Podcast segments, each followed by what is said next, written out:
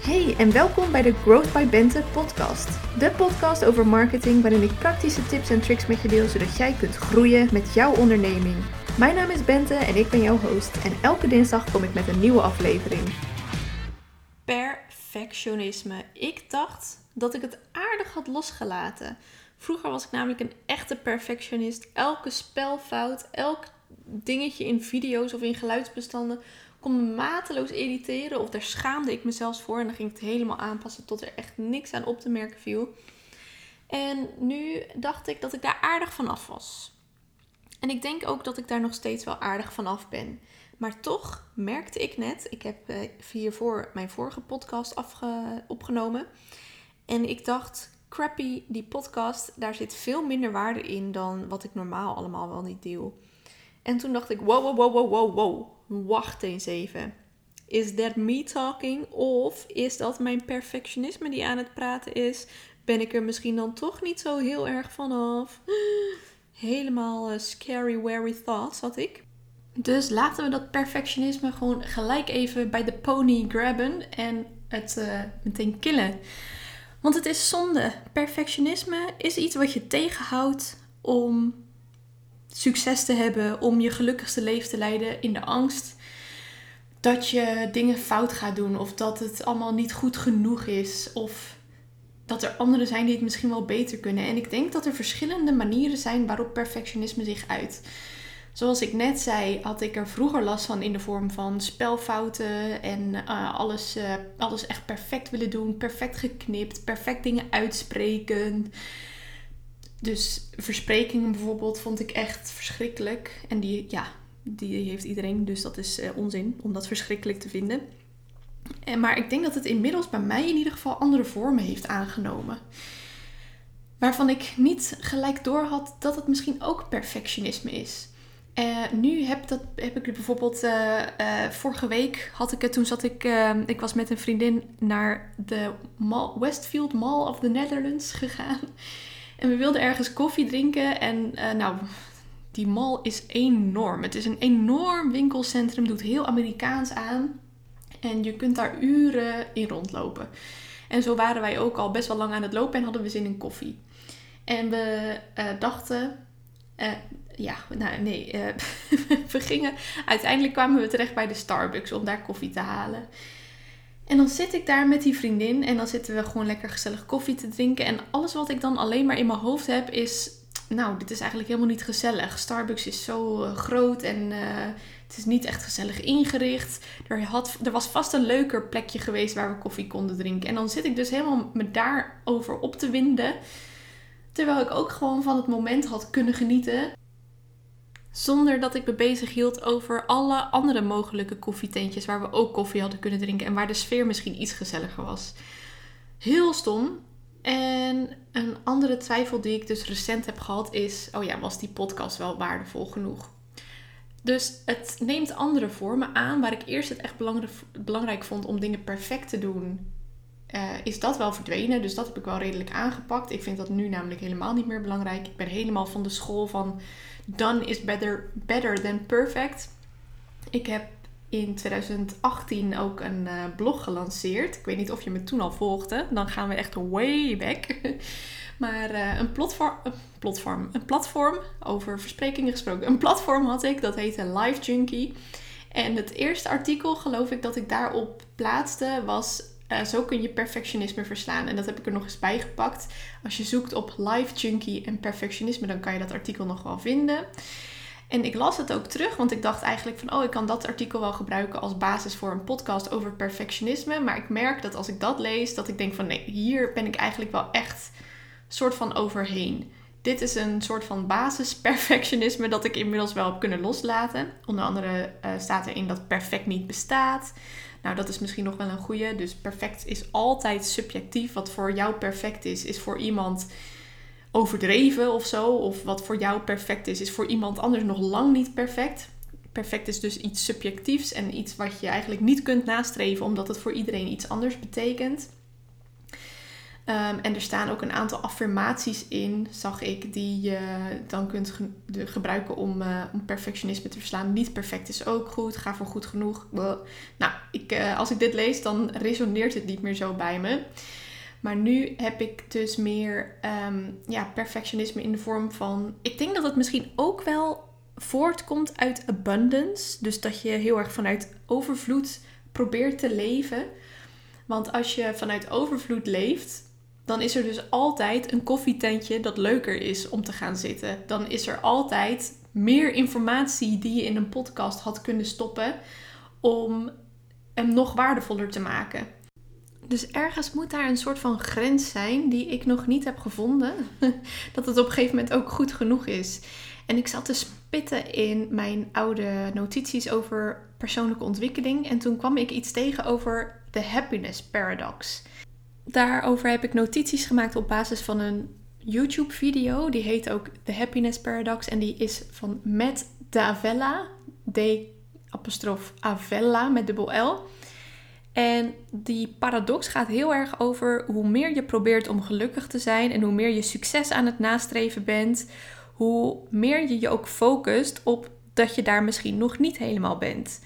Dus wat je beter kunt doen. Ehm, nou, laat ik eerst eventjes twee uh, of één mooie quote uit, uit die video delen. Um, hier komt die in het Engels. Don't aim at success. The more you aim at it and make it a target, the more you're going to miss it. For success, just like happiness, cannot be pursued, it must ensue. Happiness must happen, and the same holds for success. You have to let it happen by not caring about it. I want you to listen to what your conscience commands you to do and go on and carry it out into the best of your knowledge. Then you will live to see that in the long run, in the long run, I say, Success will follow you precisely because you had forgotten to think about it. Dus hoe meer je bezig bent met geluk en succes nastreven, hoe minder goed het eigenlijk lukt, omdat je dan gefocust bent op het feit dat je nog niet hebt wat je wilt hebben of nog niet bent waar je wilt zijn. En dat vond ik wel interessant en ik dacht misschien is dat wel een beetje het antwoord op mijn huidige perfectionisme struggles.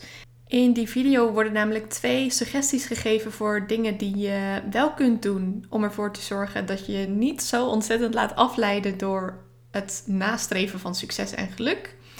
En die twee dingen zijn het beoefenen van dankbaarheid. Dus echt bewust weer bezig zijn met dingen die je al wel hebt, die al super goed gaan en waar je ontzettend trots al op mag zijn. En aan de andere kant ook acceptance. Dus accepteren als dingen gaan op een manier zoals je ze misschien niet gepland had. En als je dus meer aandacht geeft aan die twee dingen, dankbaarheid en acceptatie, dan komt als het goed is dat geluk en dat succes vanzelf. En die twee dingen kunnen denk ik ook helpen om je perfectionisme los te laten. Want perfectionisme is altijd vergelijken wat je nu aan het doen bent of wat je nu in de wereld uh, eruit gooit, wat je ontwikkeld hebt, vergeleken met wat je misschien in je hoofd had van wat je wilde maken, wat je wilde doen, waar je wilde zijn.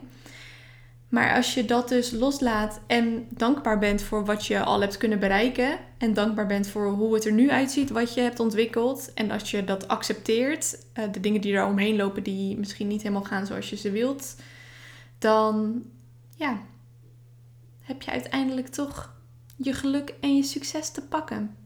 En ik zat dit nog eventjes toe te passen op, ehm, op marketing. Ik uh, zat even na te denken over wat zijn nou thema's. Hoe kan perfectionisme nou ook in de weg zitten, bijvoorbeeld op het gebied van marketing. En waarschijnlijk heeft dat er bijvoorbeeld mee te maken dat jij al lang een funnel hebt geschreven, maar dat die nog niet live staat. Een e-mail funnel bedoel ik dan eventjes. Dat je een e-mail funnel hebt geschreven, maar dat die nog niet live staat, omdat je continu nog bezig bent met het perfectioneren ervan. Dat je continu denkt van, oh, ik kan nog wel een mailtje toevoegen waarin ik deze mooie review deel. Of, oh, ik wil er eigenlijk ook nog video's bij. Of, oh, ik wil hem eigenlijk nog mooier opmaken. Of dat je misschien je, um, dat je misschien twijfels hebt over of je content wel mooi of interessant of waardevol genoeg is. Die twijfel heb ik dus zelf ook.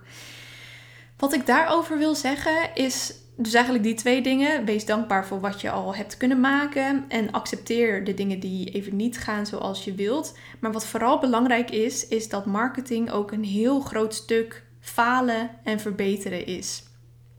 Fouten maken is niet erg. We zijn natuurlijk ontzettend opgegroeid, tenminste ik, ik weet niet hoe dat bij jou zat, met um, uh, fouten. Fouten zijn schande, fouten op proefwerken, onvoldoendes. Uh, dat is allemaal nee, niet goed en bol en uh, naar. Terwijl van fouten maken leer je nou eenmaal het meest. En ik kom zelf vanuit een uh, growth marketing achtergrond. En dat is eigenlijk gewoon marketing. Alleen dan ben je vaak wat experimenteler bezig en wat strategischer. Dus aan de ene kant um, ben je voor het strategische stuk, zeg maar, richt je je heel erg op de dingen die echt impact maken op je marketing. En met dat experimentele stuk, stuk betekent het dus dat je gewoon van alles uitprobeert en dan maar eens kijkt wat werkt. En wat belangrijk daarbij is, is dat je zowel de dingen die goed blijken te werken, dat je die viert, maar dat je ook de dingen viert die helemaal niet goed voor je blijken te werken. Want als je dat weet, dan weet je weer waar je vooral geen tijd aan hoeft te besteden. Dus stel je hebt als experiment, goh, ik ga mijn, uh, ik zeg maar wat, Instagram content ook een maand lang op Facebook delen. En dan kijk ik wel, uh, dan kijk ik na die maand wat voor uh, effect het heeft. En je wilt dan eigenlijk wel een soort van hypothese maken. Um, want je wil bijvoorbeeld dan zeggen van nou, als ik dan e-, één maand, uh, die ene maand vanuit Facebook 100 unieke bezoekers op mijn website heb gekregen, dan is het een geslaagd experiment. En dan ga ik daarmee door.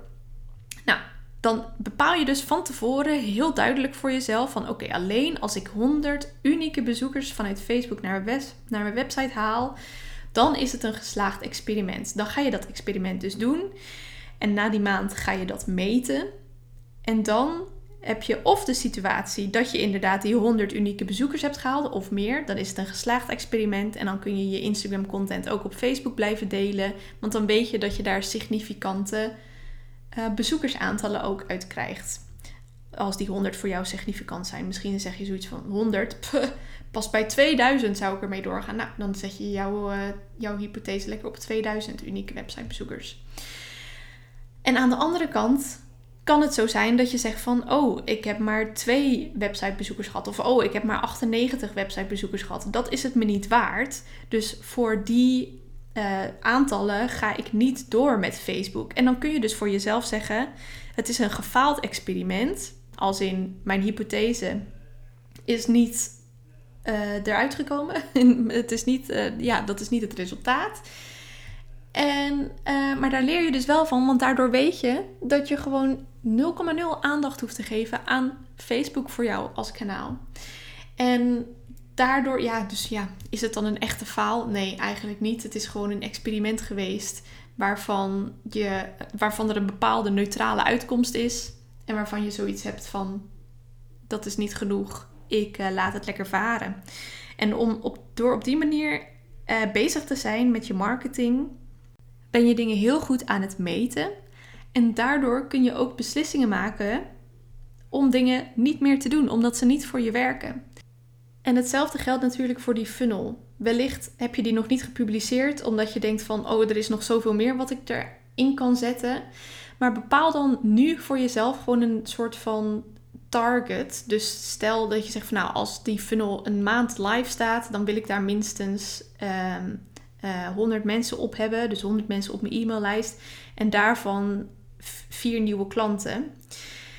En uh, dus dan heb je een target, dan zet je hem live, want dat ga je natuurlijk gewoon doen. Hot, vlots, niet, uh, niet te lang over nadenken meer en gewoon uh, live flikkeren die hap. En na een maand ga je dan kijken van, nou, heb ik die 100 mensen erop?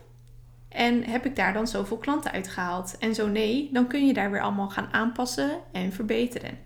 Dus falen en experimenteren, maar in ieder geval niet jouw perfectionisme in de weg laten zitten.